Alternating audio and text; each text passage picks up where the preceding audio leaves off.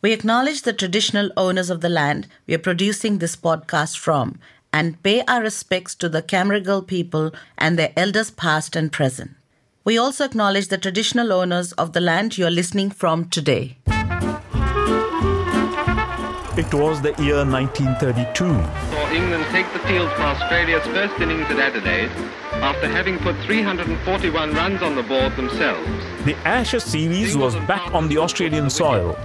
And the don of the cricketing world, Sir Donald Bradman, was at the peak of his form. However, the English side led by Douglas Jardine came with a secret weapon that the cricket world had never seen until then the bodyline bowling. Hang on, Sunshine. I thought we were talking about the South Asian colours of Australian cricket. And how does the Bodyline series fit in?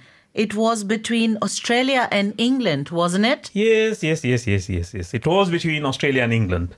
But a cricketer from India played a major role in that series. How many cricket fans would know that? Okay, let me ask you a question too. When was the first time India played a test match against Australia? That's easy. 1947 48 when the Indian team toured Australia. Incorrect. Hmm? It was much earlier than that. Although it's not commonly known, Australia's cricket connections with the Indian subcontinent actually dates back to the 19th century. So today, let's discover this glorious history.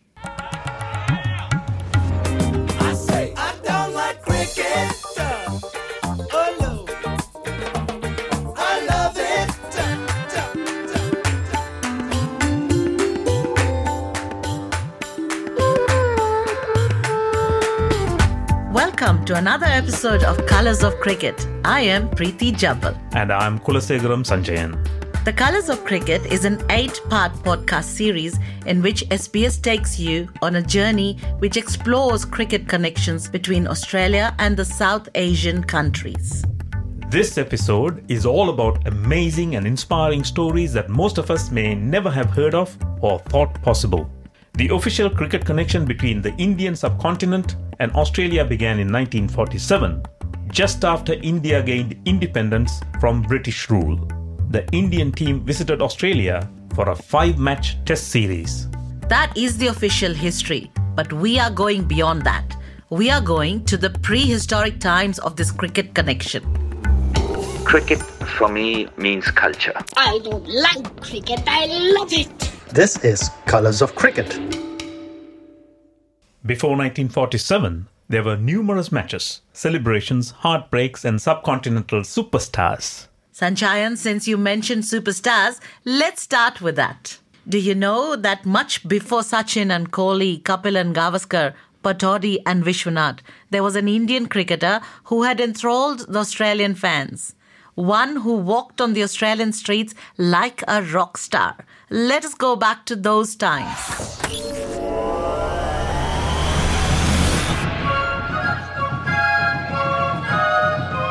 One night in Adelaide, a thin, dark, mustachioed gentleman was seen walking down a main street. News went around it was Ranji, and in no time, about 500 men and boys were following him down the street, cheering the while. The dark foreigner seemed surprised, but he smiled and bowed and raised. The year was 1897. Australia was yet to become a federation. And on November 13 that year, the Bulletin, a magazine published in Sydney, wrote this on their sports page. The crowd, now numbering quite 1,000 persons, followed him for about a quarter of a mile, cheering itself hoarse, the gentleman always graciously acknowledging until at last the procession reached a street corner. There the great cricketer stopped and removed his hat and put on an apron. He was Miltiades Demetrius Smith, ice cream merchant. The Adelaide crowd, though mistakenly, was cheering for an Indian cricketer, Ranjit Singh or K.S. Ranji.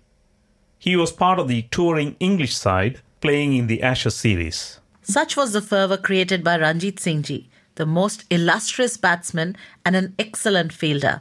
Ranji was the first Indian or brown skinned player to play in the English national cricket team. Ranji was perhaps the first subcontinent cricketer to play in Australia, or at least that is what all the records show. His batting excellence, as well as his life off the pitch, were widely reported and discussed in the Australian media in those days. He was Maharaja Ranjit Singh Ji, who would go on to rule the princely state of Nawanagar in India for a period of 26 years. But before he claimed the royal throne, Ranji ruled the game of cricket. He came in in 1897-8 as kind of the uncrowned king of batting and he introduced Australians, I think, to an entirely different style of play. This is Gideon Haigh, one of the most coveted cricket writers and journalists in Australia. Cricket was not particularly technically sophisticated in those days. It tended to be rather rigid, it tended to be confined to the offside. Australians took the game very seriously. They were not actually particularly aggressive players themselves. They were known for their obstinacy and their austerity in, in some ways. But Ranjit Singh kind of introduced them to the idea of A, touch, and you know the ability to access different parts of the field by timing and wristiness with a kind of an oriental exoticism and also glamour. You know because Ranjit Singh was one of the most glamorous figures in the empire and he happened to be identified with cricket. He gave off the whiff of prosperity and eastern mysticism But it was not only the mystery and charm, but his batting prowess had also received equal attention. Here's Patrick Skeen, the cricket historian and writer. He had an amazing series. He scored 175 runs, he averaged 50, and he was one of the few successes on that tour. And I often think about the people who were in the stands at Sydney that day when he batted for 215 minutes and scored that 175 in the first test. And that was at the time England's highest score in test matches. So that's the first taste of Australians seeing Indian excellence in cricket. But we can't say that Ranji's visit was the first time the Australian cricket team had a South Asian encounter. No, of course not. Hop in the time machine, we need to go back further.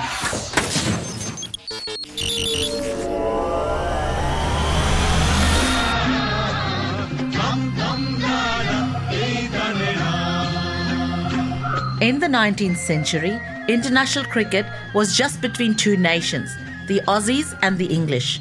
But for either team to tour, they had to sail for 40 days to reach their opponent. So, they would break the journey in Ceylon, or Sri Lanka as it is now known. Cricket had already been introduced to Ceylon by the British, and the Aussie team had played warm up matches in Colombo to hone their skills before taking on the arch rivals. The first contact between Sri Lanka, which was known as Ceylon uh, back in those days, and Australia happened in 1884.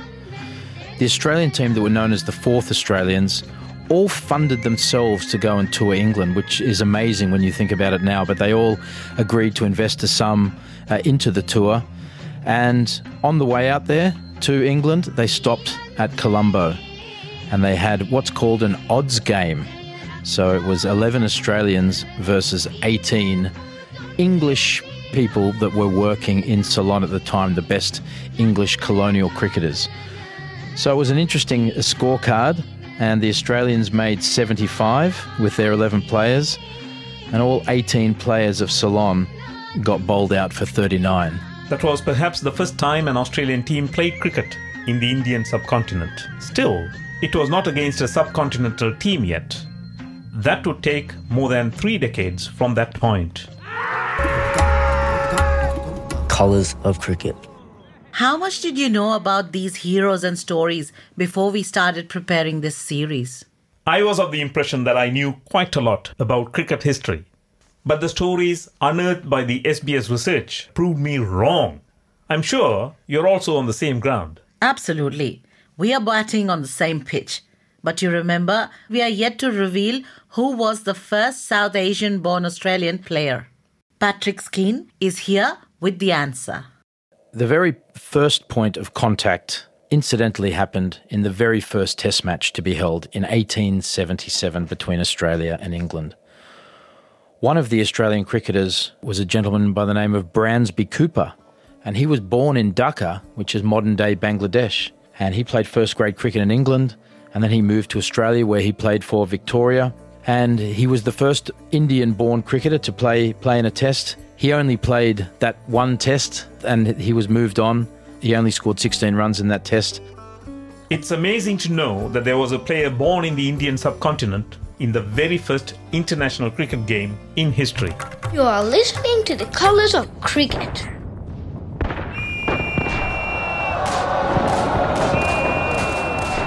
It was the year 1917. The First World War was far from over.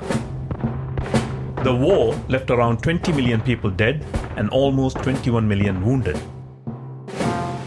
But as much as the wars divide people and leave deep wounds in their minds and bodies, they help foster new allies and friendships as well. Australian and Indian soldiers were brothers in arms in Gallipoli. The Sikh and Gurkha battalions from India were fighting alongside the Anzacs. This has paved the way for the first ever cricket match between an Indian side and an Australian side.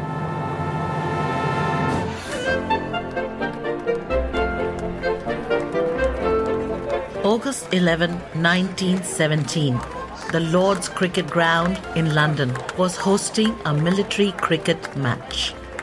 A military cricket match, Australia versus India, is to be played at the Lords on Saturday. Australia will be represented by C. Kelleway, Docker, Barber, and Jay Taylor. New South Wales, Lampard, TJ Matthews. Ballarat Courier newspaper wrote so on August 10th that year. Even though it was called a military cricket match, the Indian team was mainly made up of students. There were two nephews of the great Ranjit Singhji. There were three players from Ceylon, including John Lionel Kotelawala, who became the third Prime Minister of Ceylon. And there's also Paramasiva Subbarayan, who became the Chief Minister of Madras and the Federal Minister of Transport and Communication. So you've got these young lions looking to get together to play their first game, and awaiting them is the Australians.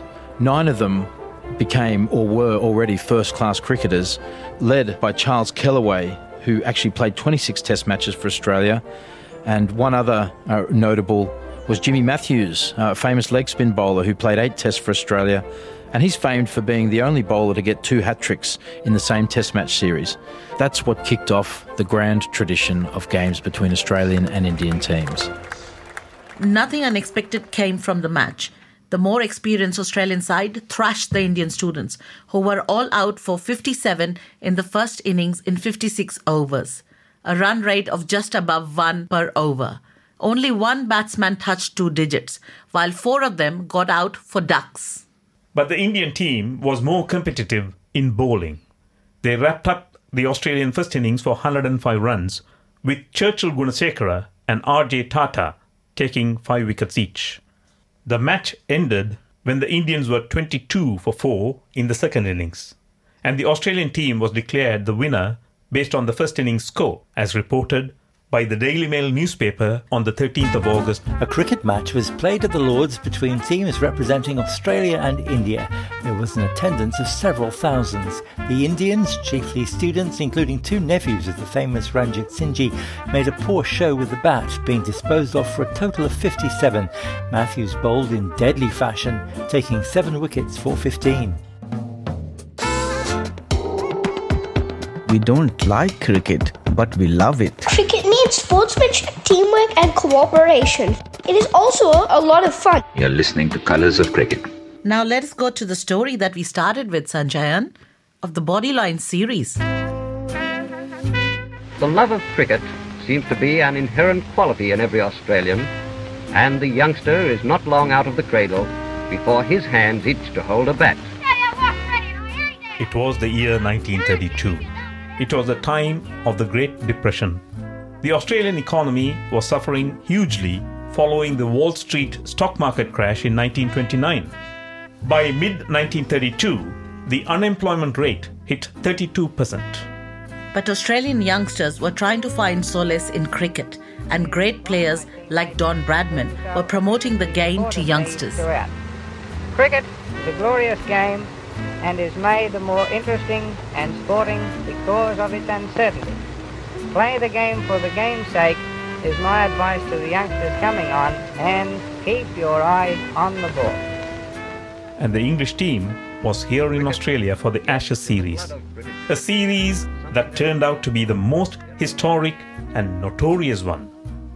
There was an Indian player in the Bodyline series, and he was one of the most notable players in the series as well. The Australian fans were waiting to see the batting skills of Duleep Singh Ji, the nephew of Ranjit Singh Ji, who was already making a name for himself as a stylish batsman. But While we regret the absence of Dulip Sinji from the coming English side, there is one personality of the touring party who is certain to catch the eyes of the spectators, and that is the Nawab Iftikhar Ali Khan of Pataudi, to give him his full title. Iftikhar Ali Khan Pataudi, or the Nawab of Pataudi. He was the opener of the English cricket team.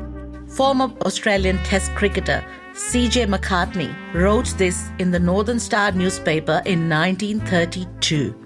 The Nawab is only 22 years of age.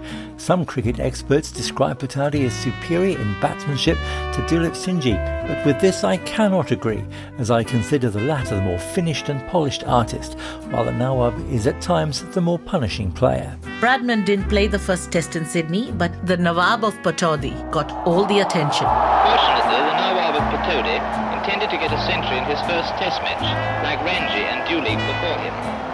He succeeds, but is bowled almost immediately afterwards by Nagel.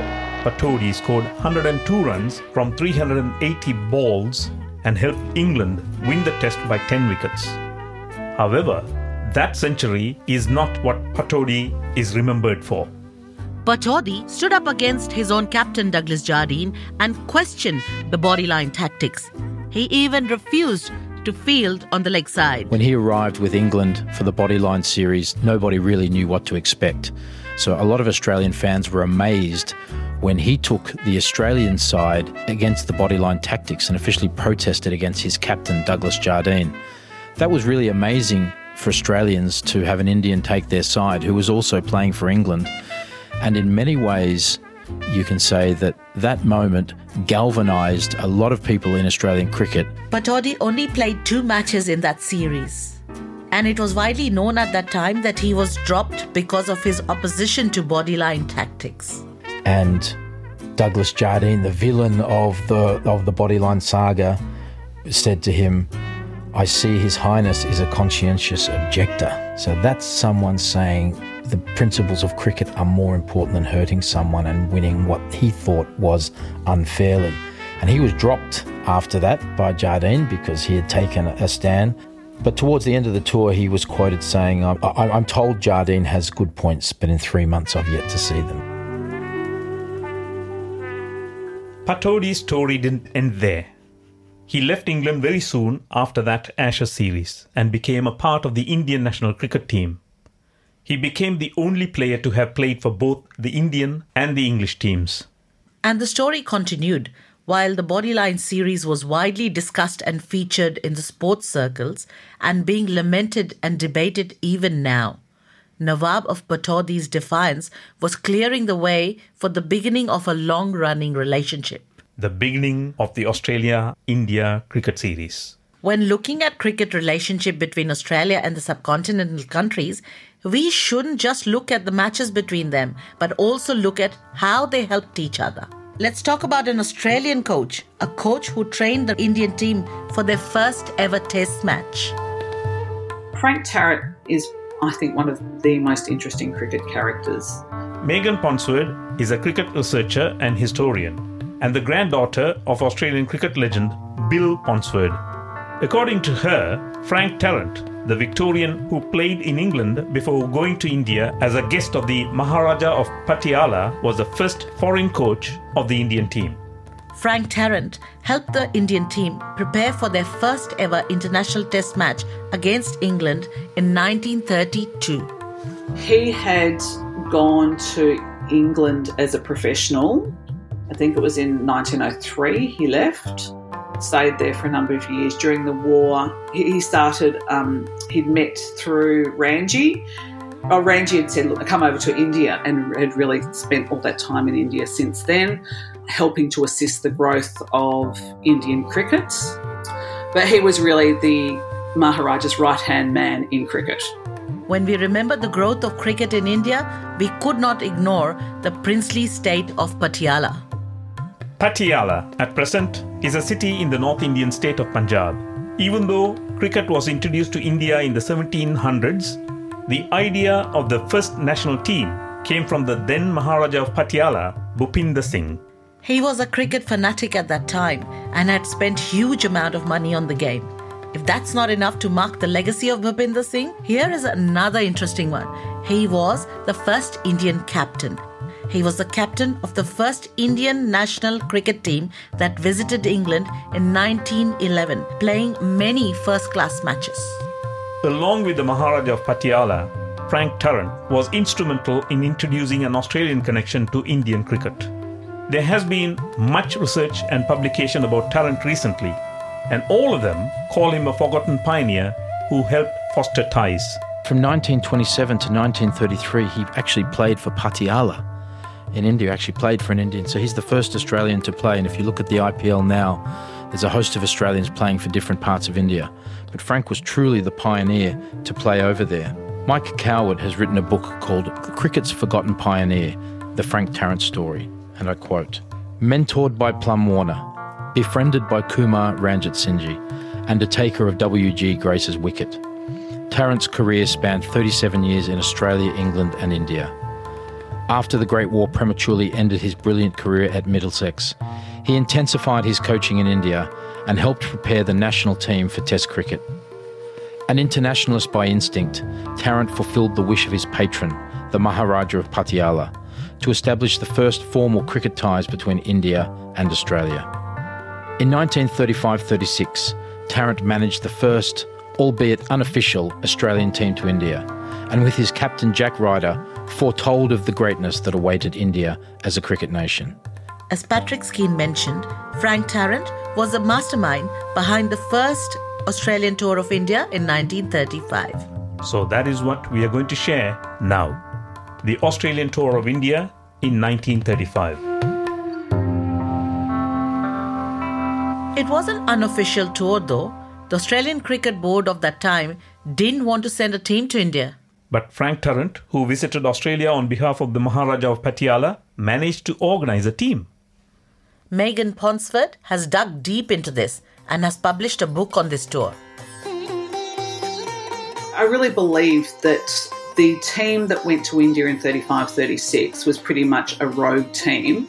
The Maharaja and Tarrant were left with either retired players or new up and coming ones that who knows whether they were ever going to make it or not. When the team was being proposed, they wanted my grandfather Bill Ponsford, they wanted Bill Woodfull, and they wanted Kippax to play. And for some unknown reason, even though they'd all retired, they were not allowed to play in India. And my reading of that is that the Australian authorities possibly didn't really want this tour to be an enormous success. So they ended up with Ironmonger, who was age 53 at the time. One of the Indian writers who wrote they were superannuated old discards, you know, so cricket discards. I don't quite agree with that. In the end, he was kind of quite desperate for players. He had Ryder as his captain, Macartney as his vice captain, who were both, you know, ex-test players, who were both well-respected, very, very talented players, but they were quite senior in years. 23 games were played, including four unofficial tests. They weren't allowed to be called tests because they weren't tests, and the Australian Board of Control got really annoyed at any suggestion that it was emulating a test. But so four unofficial tests and another 19 games were played all over India. They had this absolutely crazy itinerary where they bounced from city to region to city and it was just there's no rationale because they basically you know cross back and forth across india so many times and they always talk about the endless rail trips that, that they went on which in the beginning they were quite excited about about journeying across india by rail but it was full of you know kind of long arduous trips. And they uh, they won 11 games. They lost three and there were nine draws it was success for the Indians at least. There were some games won by them. They were encouraged enough by the result to kind of think that they'd have a better chance of playing England in middle of 36. We had mentioned another name in between, an important name, but didn't explain it. Do you remember which one, Sanjayan? Duleep Singh Ji. We are yet to go there. We cannot finish this episode without mentioning him because he is our connection between pre 1947 and post 47. And why 1947? I mentioned it in the beginning. It was the first official series between Australia and India. Dulip Singh Ji was a nephew of Ranjit Singh Ji and was another prolific batsman like his uncle. Ranji had invented the leg glance, but Dulip had another shot in his armory. His legacy in cricket terms was the late cut. His, his uncle's was the leg glance, another beautiful shot, and he played 12 tests for England, including four against Australia. He had an amazing average of 59.43, and uh, he actually got 173 in the first test in 1930 at Lords, two runs short of his uncle Ranjit Singh, who got 175 in, in, in the first test in Sydney. Dulip Singh never played in Australia. He was one of the very first English players to be selected for the 1932 Ashes series. Unfortunately, tuberculosis spoiled that. That disease ended his career as well. Even though he could not play cricket in Australia, he came to Australia very soon, Not with the English, nor as a cricketer, but representing India. as a diplomat. Dulip Singh Ji was appointed as the second Indian High Commissioner to Australia in 1950. Was the incredible journey through history before 1947. I'm sure most of you wouldn't have heard these stories before. And we have a long way to go from 1947 to 2022. And in the next episode, we are going to explore how Sri Lanka, Pakistan, Bangladesh, India, and now Nepal are influencing Australian cricket.